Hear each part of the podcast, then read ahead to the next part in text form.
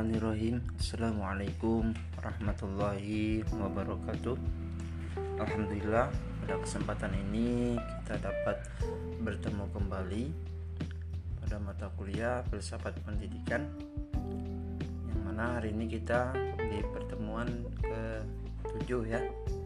Nah di sini kita akan membahas tema tentang proses hidup sebagai dasar filsafat pendidikan yang mana diwakili oleh kelompok 4 yaitu saudara Muhammad Rafli Firmansa, saudari Rizky dan saudari Nur Ajizah.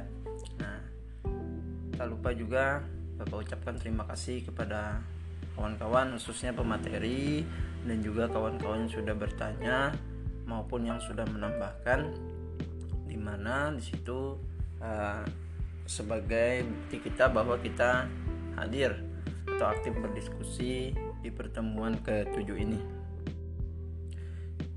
Adapun minggu depan itu insya Allah kalau kita menyesuaikan silabus itu middle test ya pertemuan ke-8 tapi karena kita middle test sudah kita laksanakan nah jadi nanti ada di pertemuan ke ke berapa ya insya Allah ke 15 pertemuan ke-15 itu nanti dianggap uh, bahwa itu adalah absensinya absensi UTS atau middle test ya. Pertemuan ke-14 nya sebelumnya nanti kita ada evaluasi atau refleksi dan ke-16 itu kita final. Ya langsung saja uh, seperti sebelum-sebelumnya di sini ada beberapa orang penanya. Yang pertama itu ada saudari Fatimah ya, perwakilan dari kelompok pertama. Di sini bertanya, apakah di dalam kehidupan manusia filsafat pendidikan itu dianggap penting dan apa akibatnya serta solusi untuk mereka yang tidak menerapkan filsafat pendidikan di kehidupannya. Nah, kemudian ada dari kelompok dua di sini bertanya, dalam filsafat pendidikan telah disebutkan bahwa self aktivis yang mana artinya mengembangkan diri sendiri itu dari diri sendiri.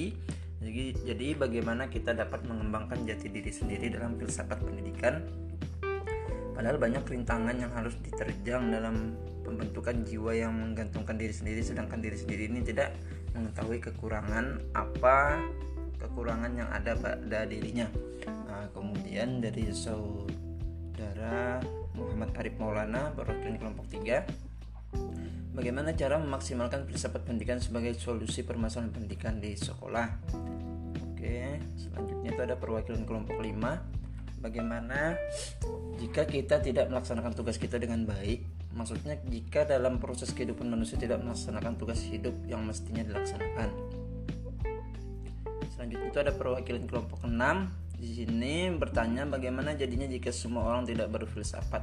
Apakah teknologi teknologi teknologi teknologi atau ilmu pengetahuan seperti sekarang ini tidak ada? Jika manusia tidak berfilsafat Oke, kemudian itu ada perwakilan kelompok 7 di sini bertanya, Saudara Muhammad Bintang ya. Kelompok 6 tadi Muhammad Riza, kelompok 5 tadi Kartika Novi Astuti. Nah, ini kelompok 7.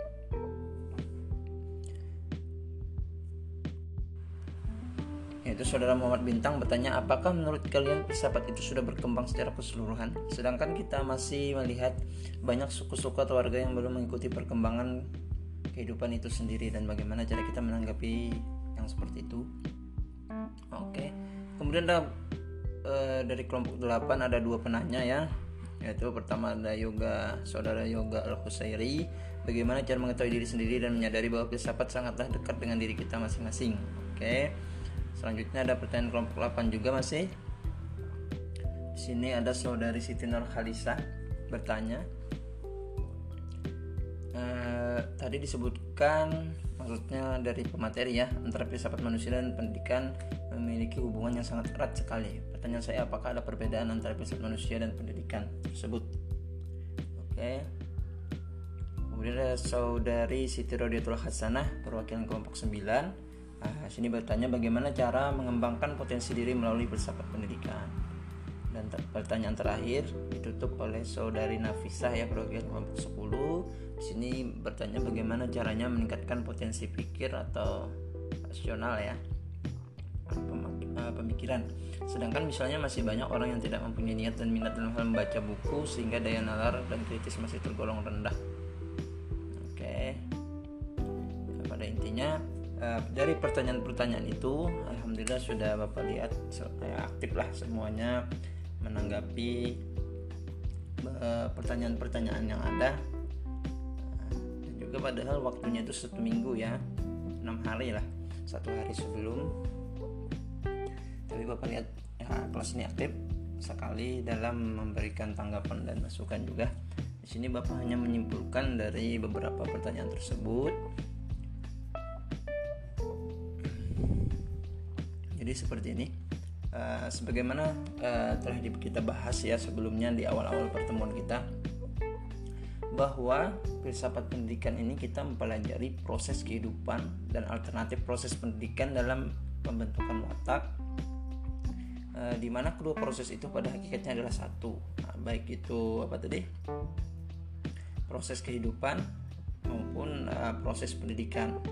Nah, artinya itu adalah pada hakikatnya adalah satu proses pendidikan berada dan berkembang bersama proses perkembangan hidup dan kehidupan manusia atau masalah pendidikan juga merupakan masalah hidup dan masalah kehidupan manusia. Nah, kemudian juga ada yang e, mengatakan bahwa seluruh pendidikan merupakan masalah hidup dan kehidupan manusia karena segala pengalaman sepanjang hidup memberikan pengaruh pendidikan bagi seseorang.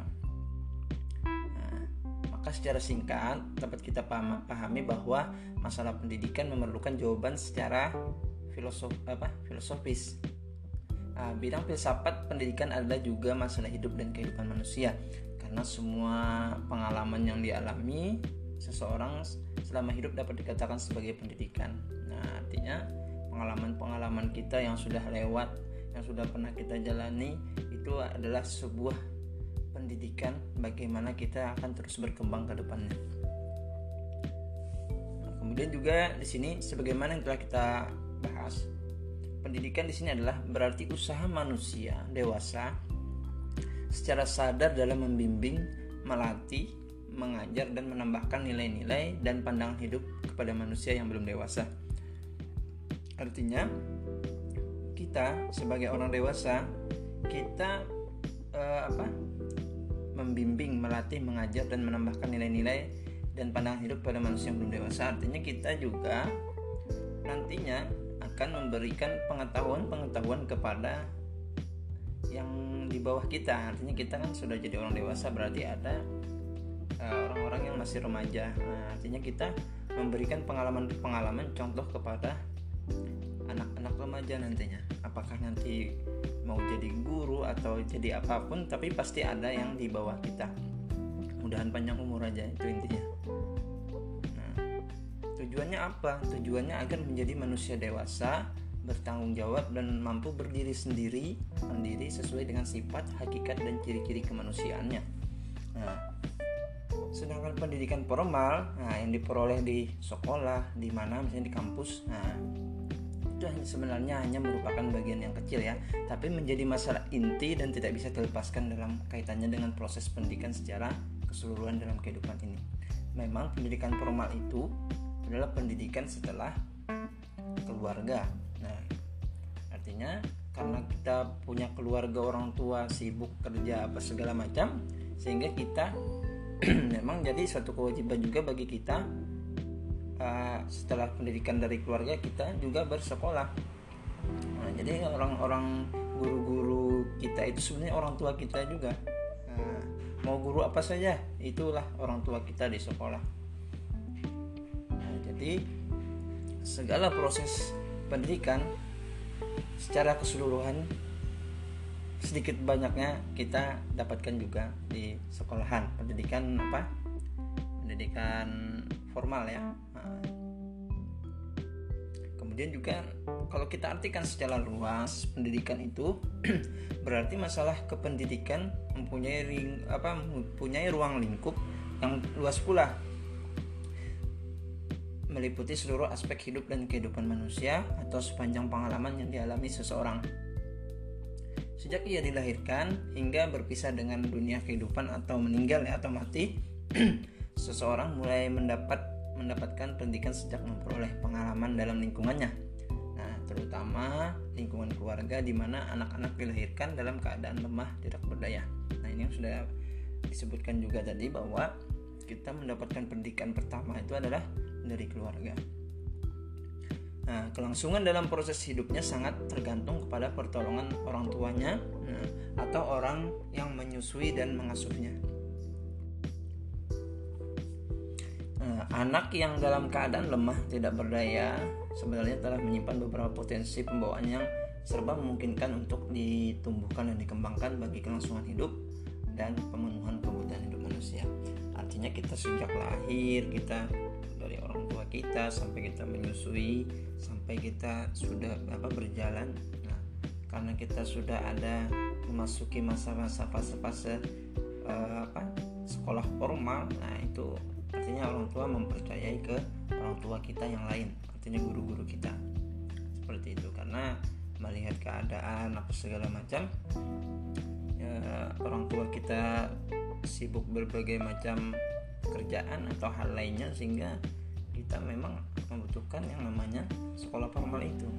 Kalau tidak ada sekolah formal tidak mungkin kita sampai sekarang sampai di perguruan tinggi ya saat ini. Jadi kita artinya bersyukur lah artinya bersyukur. Pertama orang tua kita masih ada. Mohon maaf yang belum yang sudah tiada. Kita doakan sama-sama. Nah, semoga Husnul Fatimah yang ada. Harapannya selalu minta doa selalu apa berbakti kepada kedua orang tuanya. Pokoknya maupun yang masih ada maupun yang sudah tiada kita sama-sama mendoakan lah seperti itu. Itu yang patut kita syukuri ya. Yang kedua juga kita harus berterima kasih kepada guru-guru kita yang sudah mendidik kita sehingga kita dapat uh, duduk di bangku perkuliahan saat ini walaupun ya sifatnya masih kita belum ada bertemu di kampus ya. Nah, secara langsung sudah jalan satu tahun dua semester. Tapi tidak mengurangi semangat kita untuk selalu uh, menyelesaikan sama-sama tanggung jawab kita untuk mensukseskan menyelesaikan perkuliahan mata kuliah filsafat pendidikan. Uh, dan juga bapak sedikit ini memang beberapa pertemuan sebelumnya dari kelompok 1, kelompok 2, kelompok 3 masih terbawa suasana mata kuliah pengantar filsafat pendidik eh, apa? Pengantar filsafat. Padahal kita sudah memasuki ranah filsafat pendidikan kita lebih terarah khusus ke filsafat pendidikan banyak me, apa namanya mengenai mengenai pendidikan sebenarnya. Kalau pengantar filsafat itu masih secara umum ya. Tapi Bapak lihat pertanyaan-pertanyaannya juga masih berkenaan dengan uh, pengantar filsafat secara umum. Tapi tidak apa kita hargai bahwa telah menyimak apa yang sudah disampaikan kawan-kawan pemateri dan juga memberikan pertanyaan dan tanggapan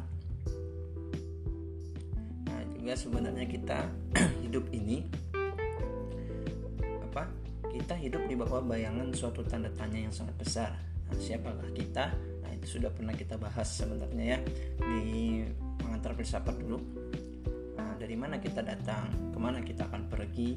Perlahan-lahan tetapi dengan keberanian yang gigih kita telah berusaha mendorong tanda tanya itu. Nah, terus dan terus ke arah garis yang lebih jauh lagi melampaui garis ufuk di mana kita mengharapkan uh, untuk mendapatkan jawaban pertanyaan kita. Kita tidak akan pergi uh, begitu jauh, kita masih mengetahui sedikit sekali, akan tetapi kita telah mencapai titik di mana dengan suatu derajat ketepatan yang wajar kita dapat menduga pada banyak hal. Artinya seperti ini, kita sedikit banyaknya pasti sudah tahu tujuan kita di dunia ini apa sebenarnya. Ya kan? Kita lahir siapakah kita? Tanya tanda tanya itu Nah, kemudian dari mana kita datang? Ke mana kita akan pergi? Nah, ke mana kita akan pergi ini? Sebelum kita mencapai fase itu, kita menjalani nih kehidupan di dunia bagaimana. Kita sebenarnya sudah tahu apa yang akan kita laksanakan di dunia. Baik itu kita menjalani segala perintahnya, perintah Allah Subhanahu wa taala dan juga menjauhi segala larangannya. Itulah sebenarnya inti dari kehidupan kita di dunia.